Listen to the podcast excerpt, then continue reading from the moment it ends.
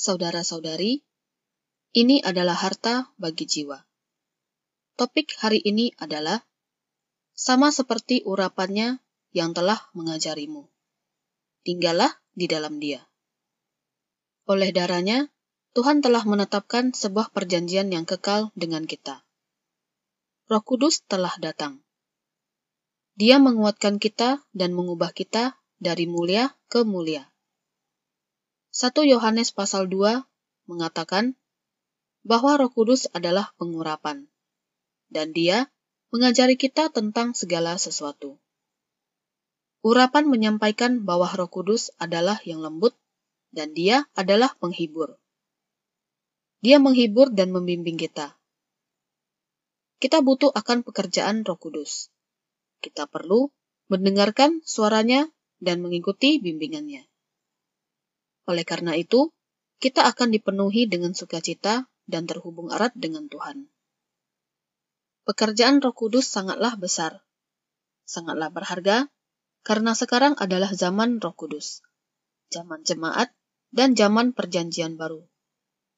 Kita baru saja membaca Alkitab tentang darah Perjanjian yang kekal dalam Ibrani pasal 13 ayat 20. Sangatlah berharga karena Tuhan telah menggunakan darahnya untuk menegakkan perjanjian yang kekal ini. Yang tiada batas menciumku, memelukku, dan menegakkan perjanjian kasih yang kekal dengan darahnya. Hari ini saya ada menulis lagu pujian tentang ini. Perjanjian ini adalah yang kekal.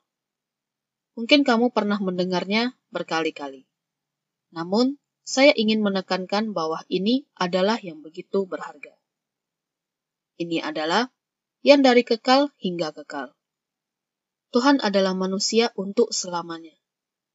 Kasihnya adalah yang kekal dan yang akhir. Yang akhir bukan berarti bahwa kasihnya akan habis, namun akan berlanjut untuk selamanya.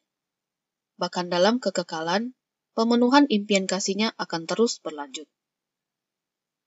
Keempat Injil dalam Alkitab memberitahu kita bahwa anak Allah telah datang. Dia mati, dibangkitkan dan naik ke surga. Dan sebuah peristiwa yang paling penting terjadi setelahnya, kedatangan Roh Kudus. Ini adalah yang begitu berharga. Bapa, Anak, dan Roh Kudus, mereka semua tinggal di dalam hati kita. Saat Roh Kudus datang, murid-murid Tuhan mengalami perubahan yang besar. Simon Petrus menerima kuasa Roh Kudus dengan membawa 3.000 orang untuk percaya kepada Tuhan. Mereka begitu terangkat. Kita juga harus mengalami pekerjaan yang sama dari Roh Kudus. Hari ini, kita dapat mengalami pekerjaan Roh Kudus dan pekerjaan dari Tuhan yang di dalam hati kita. Roh Kudus datang dan Dia tinggal di dalam hati kita. Ini adalah yang berbeda dengan saat Tuhan berada di bumi. Dia tinggal bersama dengan murid-murid, namun dia tidak hidup di dalam hati mereka. Namun kini, Roh Kudus telah datang untuk diam dan untuk bekerja di dalam hati kita. Bapa, Anak, dan Roh Kudus, semuanya bekerja di dalam hati kita. Bukankah itu adalah hal yang berharga? Tuhan telah datang, Roh Kudus juga telah datang. Membantu kita untuk mengalami akan Tuhan dan Bapa secara mendalam. Hari ini kita dapat berseru Aba, dan kita dapat secara mendalam masuk pada kasih Tuhan. Mari kita baca di 1 Yohanes pasal 2 ayat 20. Tetapi kamu telah beroleh pengurapan dari yang kudus, dan dengan demikian kamu semua mengetahuinya. Urapan dari roh kudus. Wow, apa yang kita nikmati saat ini sangatlah menakjubkan. Dalam Perjanjian Lama, nabi-nabi, imam-imam, dan raja-raja adalah yang diurapi dengan minyak. Urapan dengan minyak itu melambangkan Roh Kudus. Hari ini, kita benar-benar telah menerima Roh Kudus. Kita semua adalah imam. Di saat kita bertobat dari dosa-dosa kita dan percaya kepada Tuhan, maka Bapa, Anak, dan Roh Kudus telah tinggal di dalam hati kita. Saya yakin bahwa pada hari itu kamu juga merasakan perbedaan. Kamu telah dibangunkan. Meskipun kamu belum banyak membaca Alkitab, namun kamu menjadi lebih peka terhadap hal-hal rohani, yaitu berdasarkan kearifan rohani. Ini adalah sebuah pengalaman rohani yang nyata, dan bukanlah sebuah efek psikologis. Bagaimana lagikah kamu dapat mengalami transformasi yang luar biasa setelah percaya kepada Tuhan? Itu karena hatimu menjadi hidup. Roh Kudus membimbing dan memperingatimu. Mari kita lanjutkan ke ayat 27.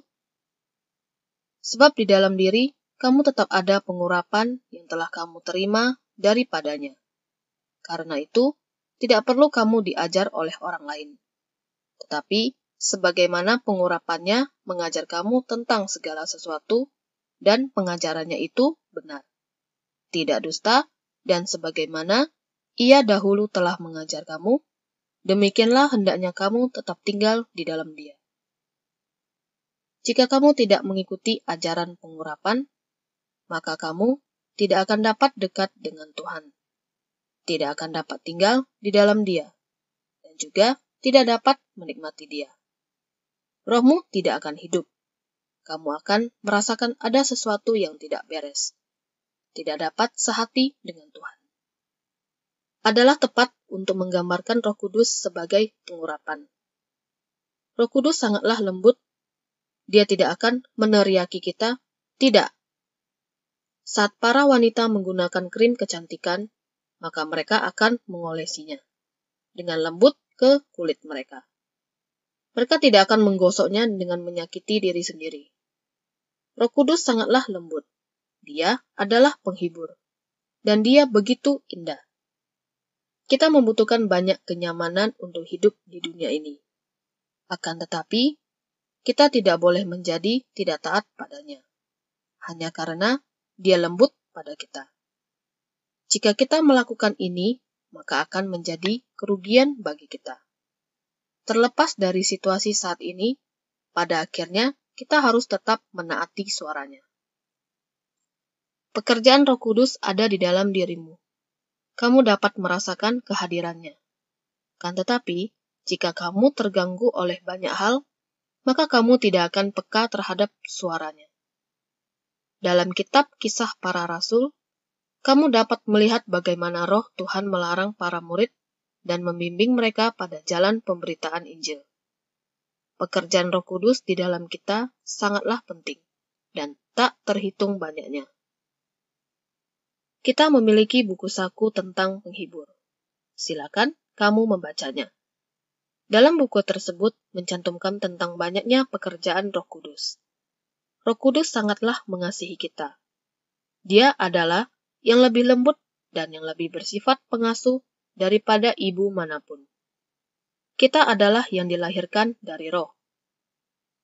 Kita menikmati kasih sayang yang sama dari roh kudus, seperti yang kita nikmati dari Bapa Surgawi.